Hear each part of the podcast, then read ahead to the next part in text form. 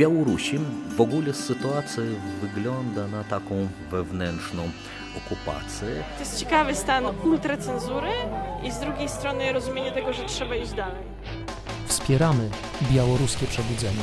Praca historyka białoruskiego ma ciąg dalszy. Podcast Kolegium Europy Wschodniej. Myślałem o tym, żeby, żeby rozpocząć od takiej ogólnej uwagi, ogólnej obserwacji, y, która jednocześnie wytłumaczy fenomen tego, co się wydarzyło w poezji białoruskiej latem i jesienią i zimą 2020 roku. To znaczy, dlaczego to właśnie poezja skanalizowała w tak y, dużej mierze bunt Białorusinów, bo nie tylko przecież elit, nie tylko artystów, nie tylko ludzi piszących. To prawda. Y, to chyba było coś, co docierało do wszystkich ludzi przeżywających te wydarzenia. Dlaczego poezja? Na pewno dlatego, że zbierała te wszystkie emocje. To na pewno, jakby słowo emocje wydaje mi się kluczowe, bo te emocje były po prostu olbrzymie. E, I widziałam to e, i te emocje jakby widziałam też, jak one ewoluowały po 2020 roku, w 2021, 2022, jak jest teraz. I mam wrażenie, że ta poezja ciągle, ona te emocje przechowuje. Od tamtej pory, no wiadomo, minęły trzy lata, więc emocje opadły po prostu, a w poezji one ciągle są żywe i widziałam to na własne oczy po prostu na spotkaniach poetyckich, gdzie ludzie przychodzą popłakać.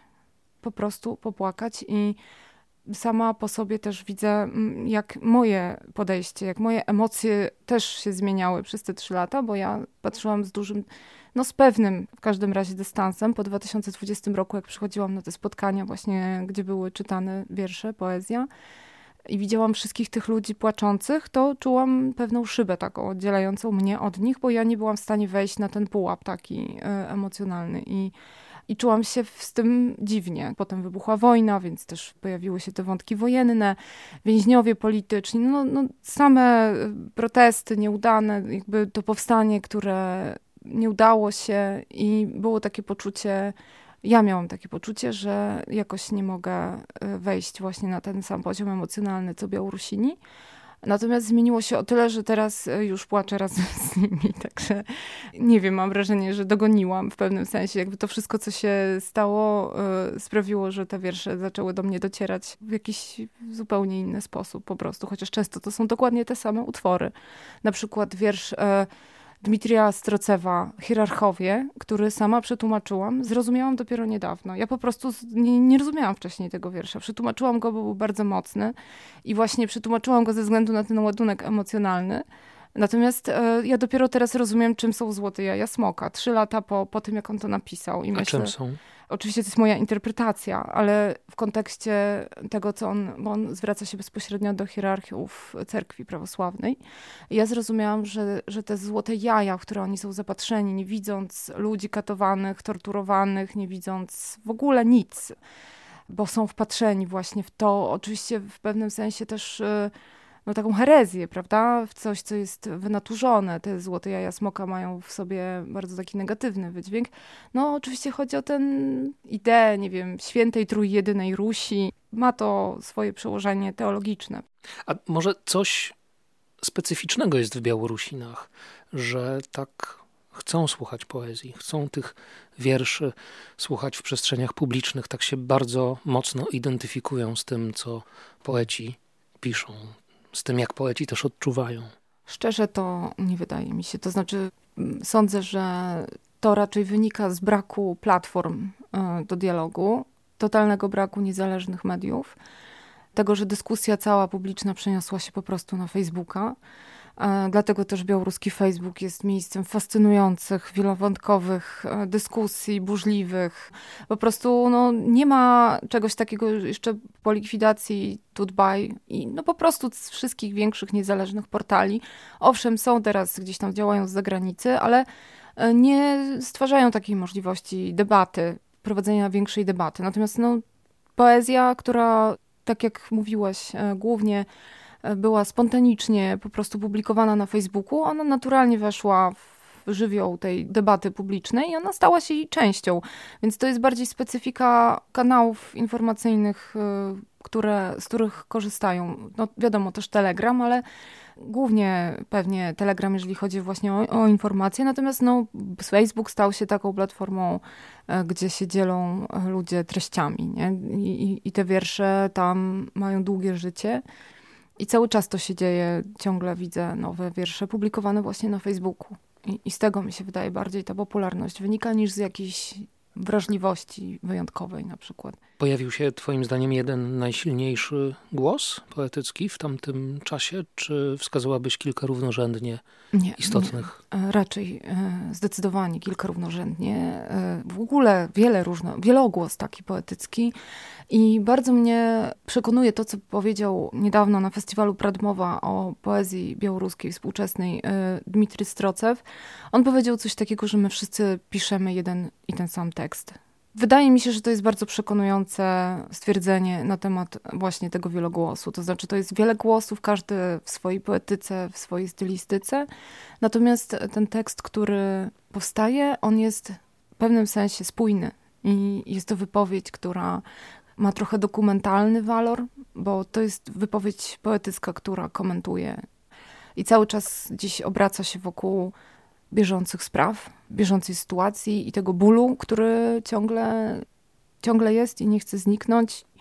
I to jest jakaś forma też właśnie skanalizowania tego bólu. Nie wiem, na przykład parę dni temu na Facebooku oczywiście opublikowała wiersz prezeska Białoruskiego Pen Klubu, Tacjana Niedbaj.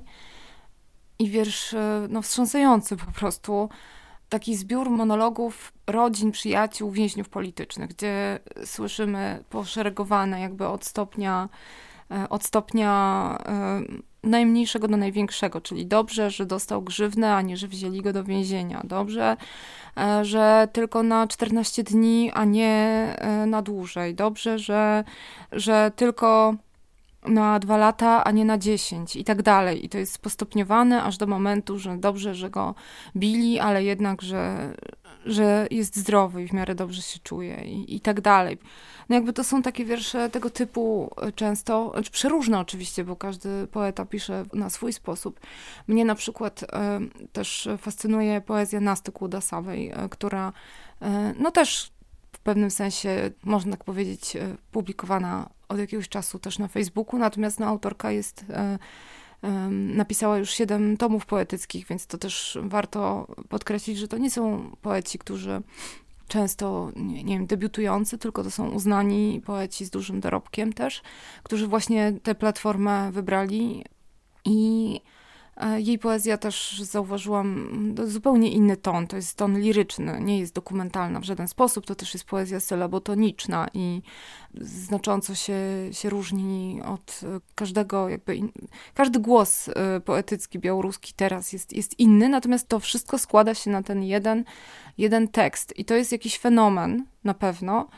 Tak samo wspomniałam już o Dmitrym Strocewie, który też, e, no też bardzo, bardzo ciekawy poeta e, starszego w zasadzie pokolenia, e, który na moich oczach też w ciągu ostatnich tych trzech lat przeszedł bardzo ciekawą drogę, bo on zawsze pisał po rosyjsku. I teraz, ponieważ on dalej pisze po rosyjsku, ale na spotkaniach poetyckich on czyta przykłady swoich wierszy po białorusku i po ukraińsku. I mówi, kto przełożył po prostu. Nie czyta już oryginałów. Czasami oczywiście czyta, ale jednak tego nie było wcześniej. To było dla mnie bardzo zaskakujące, ten wybór jego. Podobnie śledzę teksty, poezję Sierhieja Prełuckiego, która po 2020 roku i też po wybuchu wojny, bo on mieszka w Buczy. I te wiersze no, zupełnie są inne niż, niż wcześniejsza jego twórczość, bo on pisał, zresztą po polsku jego tom się ukazał w przykładzie Bogdana Zadury, bardzo dobry tom wierszy zebranych i tam widać w tym tomie, że ta poezja jest często ironiczna, zabawna, że to są takie trochę wiersze mm, trochę, żeby się pośmiać czasami. Natomiast no, ten cykl, który publikuję właśnie na Facebooku, Listy do syna, to jest poezja sylobotoniczna i to są naprawdę bardzo, bardzo mocne czasami i zupełnie innym tonie utrzymane wiersze, gdzie on po prostu zwraca się do swojego sześcioletniego syna, który no, po wybuchu wojny wyjechał razem z mamą za granicę, no i on, on tam po prostu jest sam i pisze do niego te wiersze. E, także no, ta poezja przeszła po 2020 roku olbrzymią ewolucję i, i w pewien sposób właśnie ma bardzo wiele wspólnego, choć każdy głos jest inny, brzmi zupełnie inaczej. A może są główne, wspólne dla tych wszystkich tekstów, które, jak powiedziałaś, tworzą jeden wielki metatekst, tropy albo archetypy, albo inne e, wspólne miejsca, które te poezje też by ustawiały w takiej, no, może niejednoznacznej, ale konkretnej perspektywie literaturoznawczej.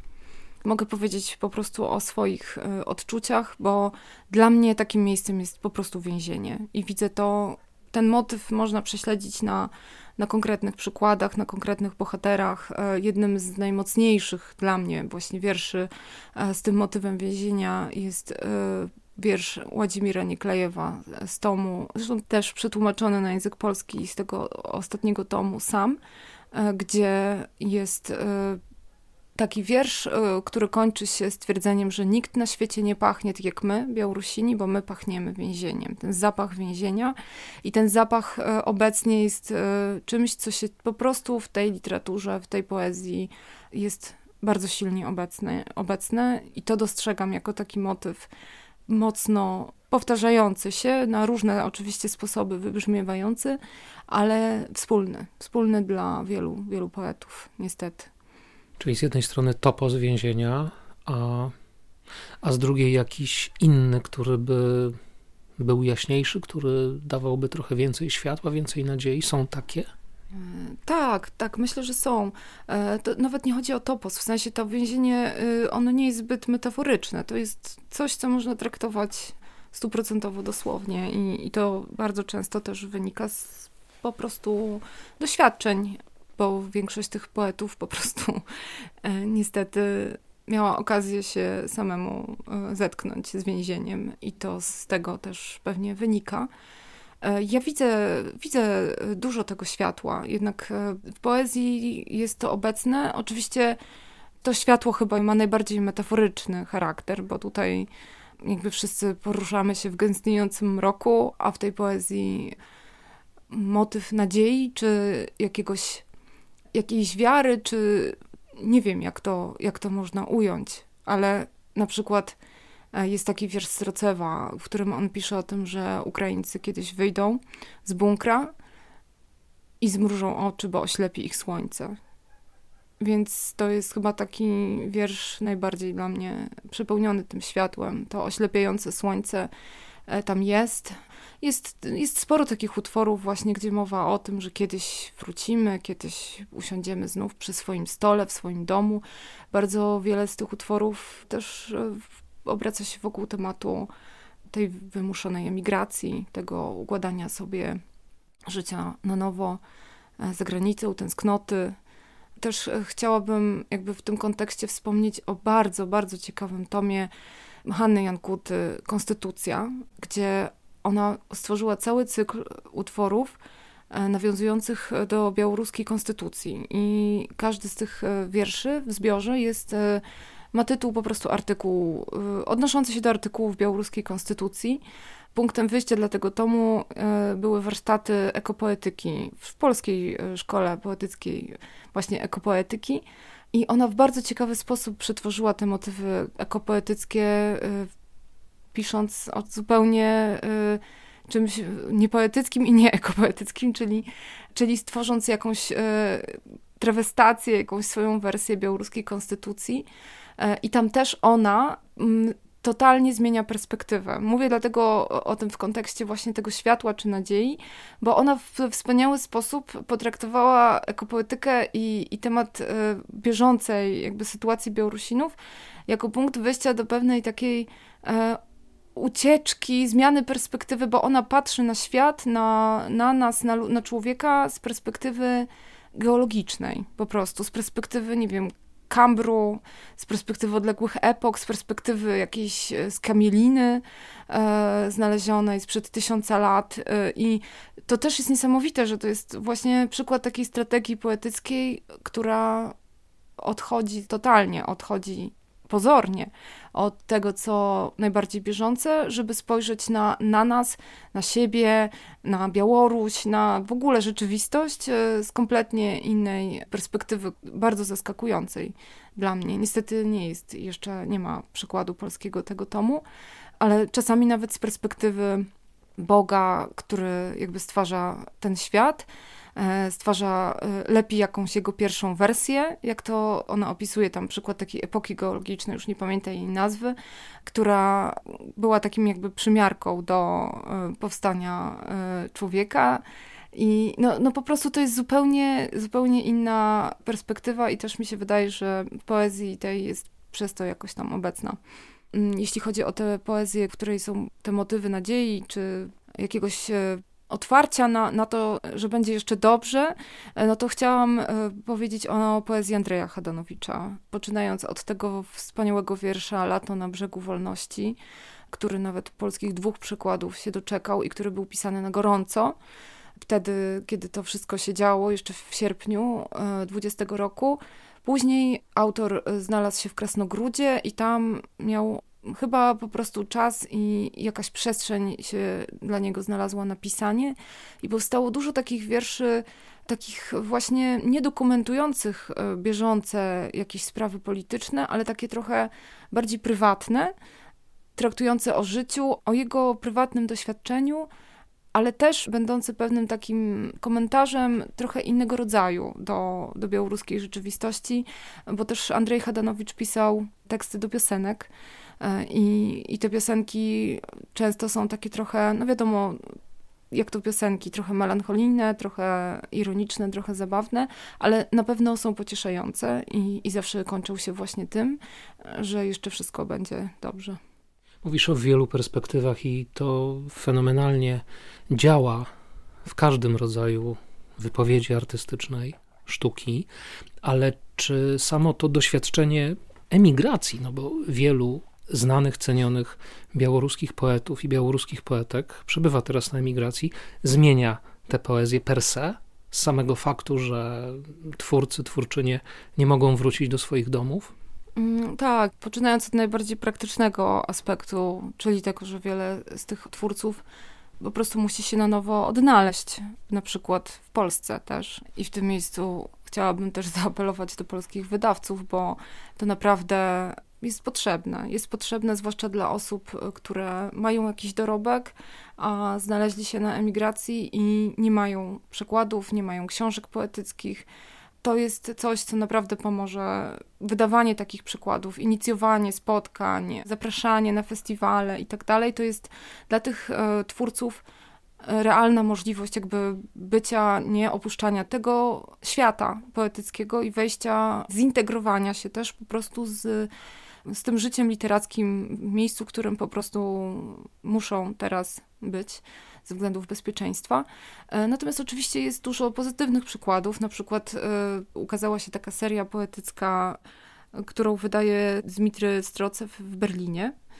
I to bardzo ciekawy przykład właśnie funkcjonowania poezji w emigracji, bo ta seria właściwie m, takich malutkich czarnych książeczek E, on to drukuje sam. Żeby, to, żeby wydać taką książkę, to wystarczy w zasadzie drukarka i odpowiedni papier. Na to jest po prostu jakiś e, przepis, jak zrobić taką książkę.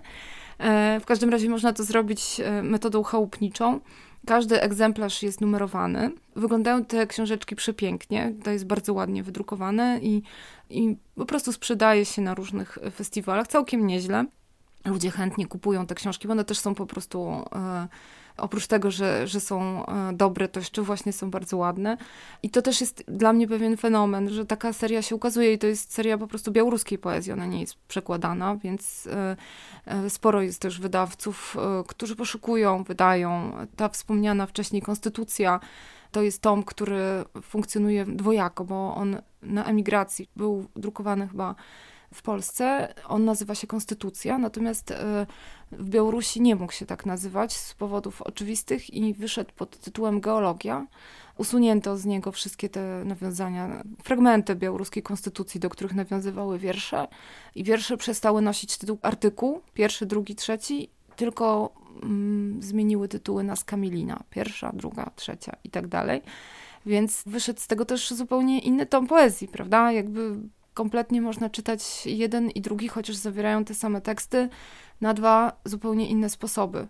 Więc to funkcjonowanie w emigracji pociąga też za sobą bardzo w sumie ciekawe sposoby autocenzury. E, w tym przypadku odchudzenie znaczne książki. To raz, a dwa, w drugą stronę to niestety też działa, bo bardzo często się zdarza, że pewne teksty nie mogą być publikowane w Polsce albo po prostu za granicą, dlatego że twórca, autorka, autor nie wyjechała z Białorusi i po prostu mm, no, zagraża to jej bezpieczeństwu, więc e, nie pojawia się, nie jest publikowana, bo po prostu z obaw o, o własne bezpieczeństwo, więc część tej poezji po prostu funkcjonuje w szufladzie w tym momencie. Ponieważ tłumaczyłaś autobiograficzną w dużej mierze prozę Wasyla Bykała, która tego lata ukazała tak. się w Polsce, w Kolegium Europy Wschodniej. Chcę cię zapytać o to, czy widzisz w tej współczesnej postprotestowej poezji wyraźne nawiązania do, do klasyki tej dwudziestowiecznej klasyki, do Bykała, Karatkiewicza, może, może jeszcze do wcześniejszych mistrzów i tych największych nazwisk obecnych w literaturze białoruskiej. Myślę też o Jance Kupale. To jest ciekawe pytanie. E, ja prawdę mówiąc więcej takich odniesień widzę w prozie niż w poezji. Tak mi się zdaje. Natomiast może, e, może one są, natomiast ja pewnych rzeczy też mogę nie odczytać. Natomiast ja wprost na pewno nie widzę. Pewnie może one są dostrzegalne dla badaczy bardziej zagłębionych w poetykę którzy potrafią też w sposobie pisania, czy w rymach, czy w ogóle w poetyce danego autora doszukiwać się właśnie wpływów e, danego twórcy. Natomiast jeśli chodzi o jakieś bezpośrednie odniesienia, cytaty, to ja raczej nie, nie widzę takich odniesień do, do białoruskiej klasyki. Dostrzegam to w, bardzo mocno w prozie.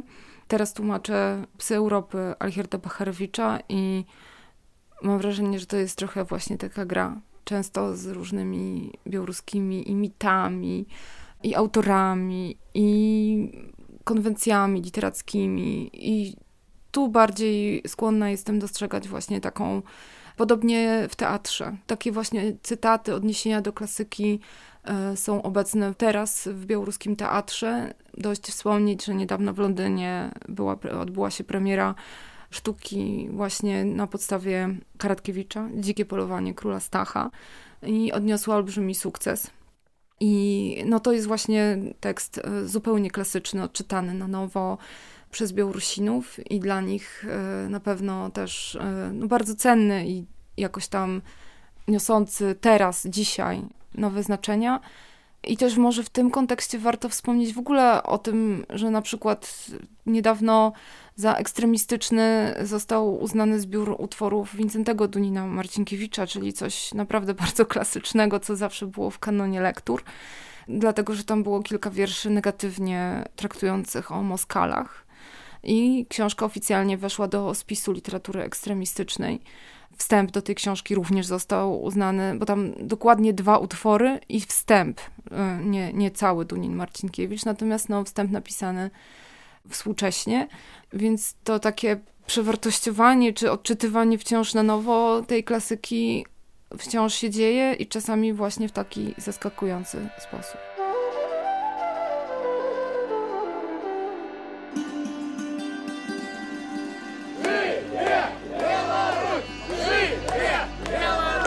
To był podcast Wspieramy Białoruskie Przebudzenie, realizowany przez Kolegium Europy Wschodniej i finansowany przez Fundację Solidarności Międzynarodowej.